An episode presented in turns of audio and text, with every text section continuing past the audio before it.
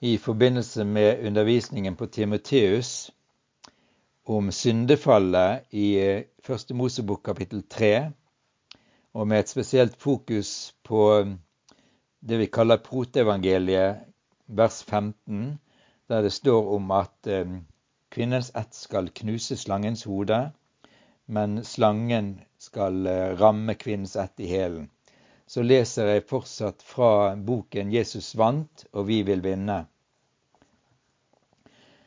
Den gode nyheten er at protevangeliet ikke først og fremst handler om angrep fra slangen.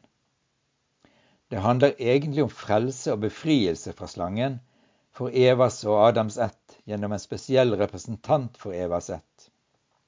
I en artikkel skriver Wayne Jackson Verset er i sannhet fascinerende fordi det gir oss det første glimtet i Bibelen av Guds forløsningsplan, og fokuserer på det som til slutt vil skje med Satan da han kastes i den evige ild i helvete. Åpenbaringen 2010. Det er et udiskutabelt faktum at slangen var Satans redskap. Paulus skriver at slangen narret Eva med sin list, og i den samme konteksten argumenterer han med at Satan selv skaper seg om til en lysets engel. 2. Korinterbrev 11.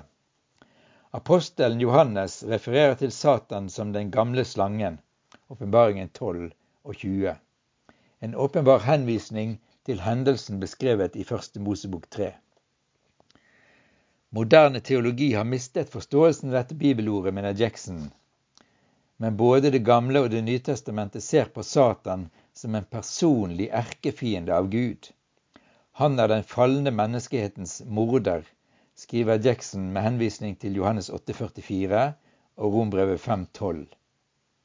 I Johannesordet står det dere har djevelen til far, og dere vil gjøre det dere far ønsker. Han har vært en morder fra begynnelsen. I Rombrevet 5 skriver Paulus synden kom inn i verden på grunn av ett menneske, og med synden kom døden og slik rammet døden alle mennesker fordi alle syndet. Kvinnen i teksten er Eva. Hovedfokuset er imidlertid ikke på henne, men på hennes ett. På den annen side er hovedvekten ikke på slangens ett, men på slangen. Selv om slangens ett vil dele hans skjebne, skriver Jackson og viser til dommen. Gå bort fra meg, dere som er forbannet, til den evige ilden, som er gjort i stand for djevelen og englene hans. Hva består fiendskapet i, spør Jackson. Språket forteller om en sterk motsetning mellom Eva og hennes motstander, ødeleggeren, sammen med en forståelse av at det vil utvikle seg et åndelig fiendskap mellom kvinnens ett, både Kristus selv og hans folk, og Satan og hans etterfølgere. Det illustreres i Jesu lignelse om ugresset i hveten. Himmelriket kan sammenlignes med en mann som hadde sådd godt korn i åkeren sin, og mens alle sov, kom fienden hans og sådde ugress blant hveten. Den som sår det gode kornet, er menneskesønnen. Åkeren er verden.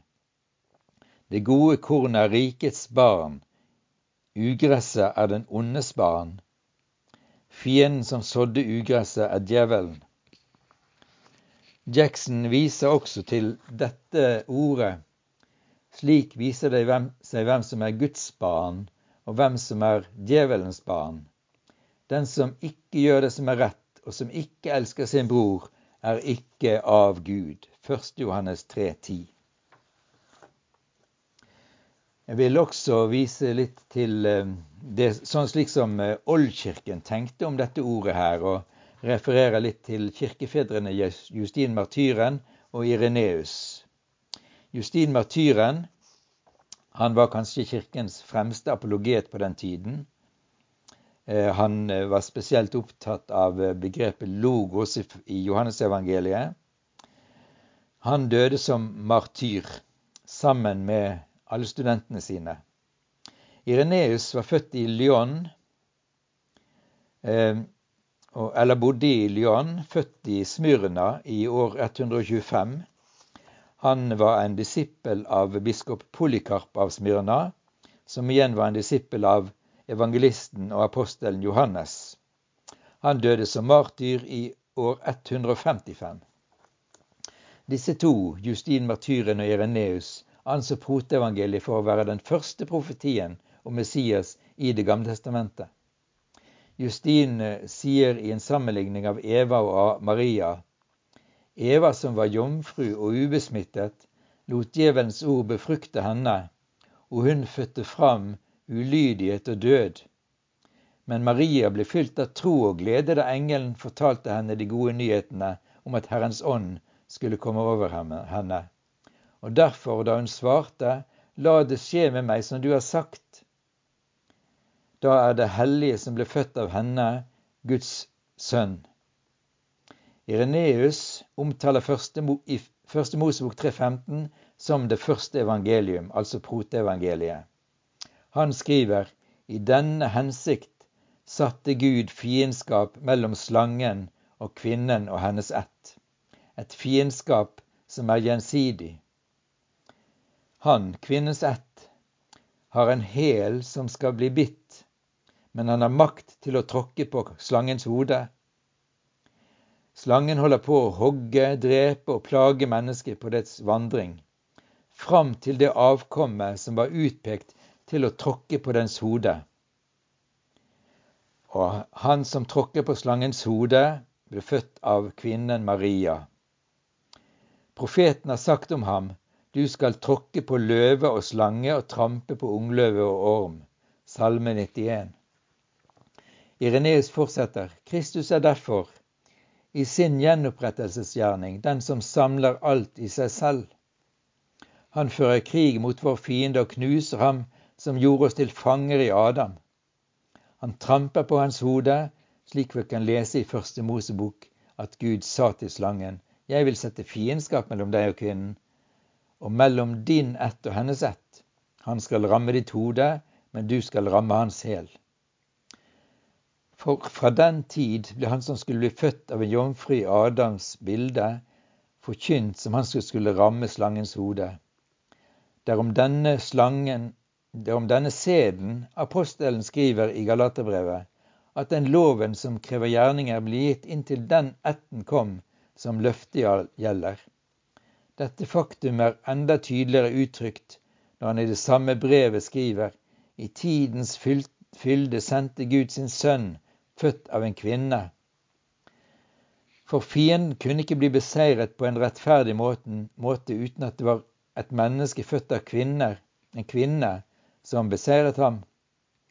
For det var gjennom en kvinne at han første gang fikk makt over menneskene, da han gjorde seg til menneskets motstander.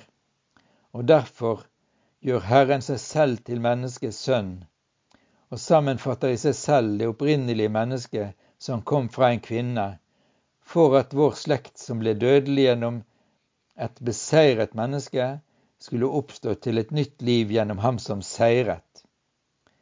Liksom døden vant seier over oss gjennom et menneske, så skulle vi også motta seieren over døden gjennom Kristus. Kristus har ifølge Ireneus i sitt forløsningsverk gått til krig mot vår fiende og knust ham som gjorde oss til fanger da han forførte Adam til å synde.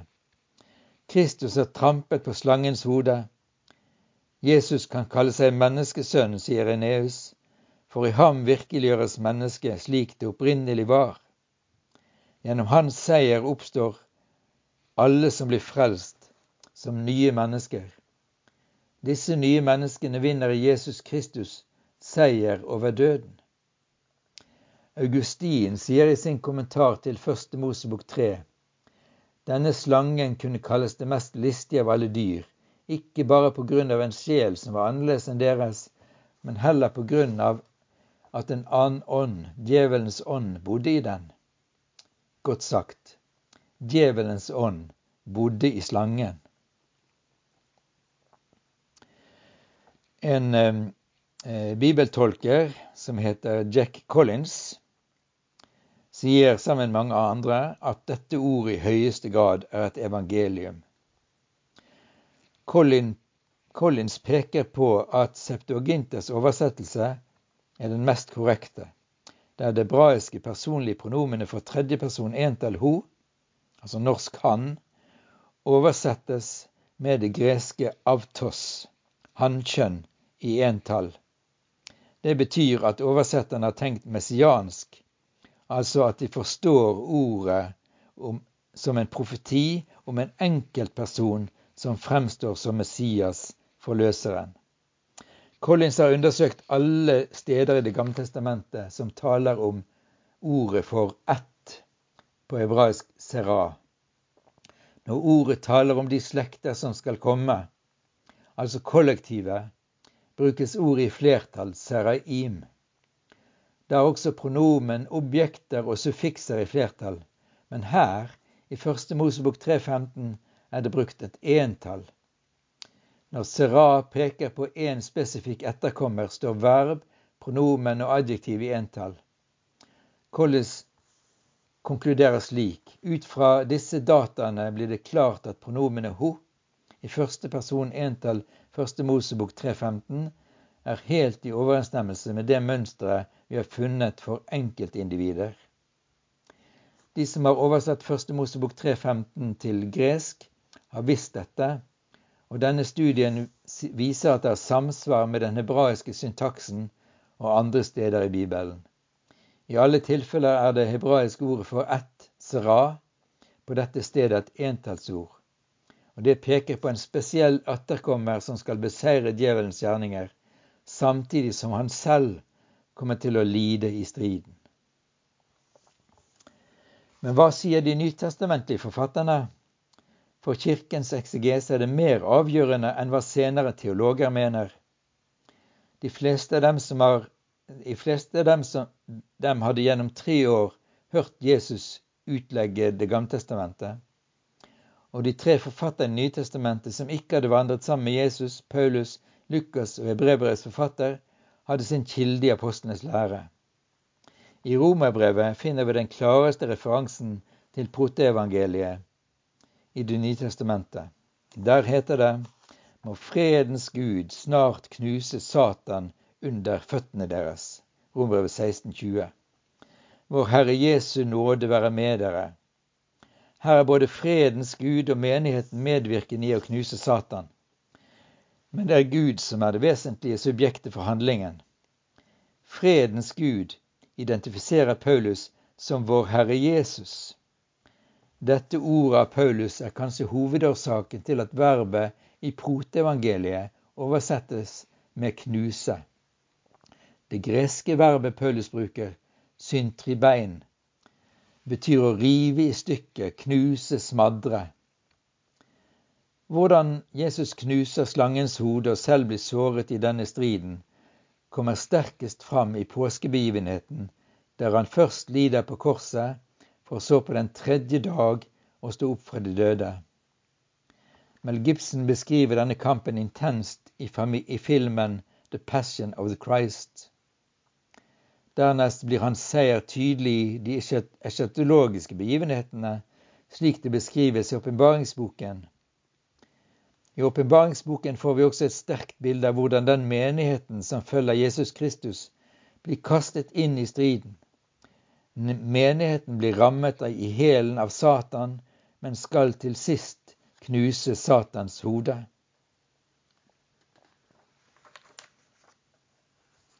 Reformasjonen reformerte også måten å lese Bibelen på etter den katolske forståelsen av bl.a. dette ordet proteevangeliet. Martin Luther identifiserer i sin kommentar til første Mosebok kvinnens sæd med Messias, Jesus, og ikke med Maria, slik tradisjonell katolsk lære gjorde. Han sier når vi opplyses i dette avsnittet om fiendskap mellom slangen og kvinnens sæd, nemlig slik at kvinnens sæd vil knuse slangen og alle hans makter, så er det en åpenbaring av Guds godhet. Den erklærer at kvinnens mannlige avkom skal knuse denne fienden. I kommentaren til romerbrevet identifiserer imidlertid Luther kvinnens ett med Guds ord når det blir forkynt i menigheten.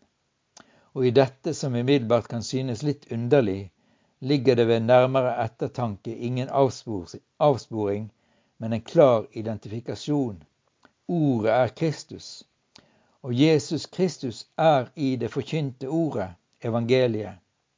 De to kan ikke skilles verken i Skriften eller i forkynnelsen. Det er en oppmuntrende tanke, for det betyr at når evangeliet om Jesus forkynnes, så knuser det slangens innflytelse og makt. Det er seier over djevelen i evangeliet.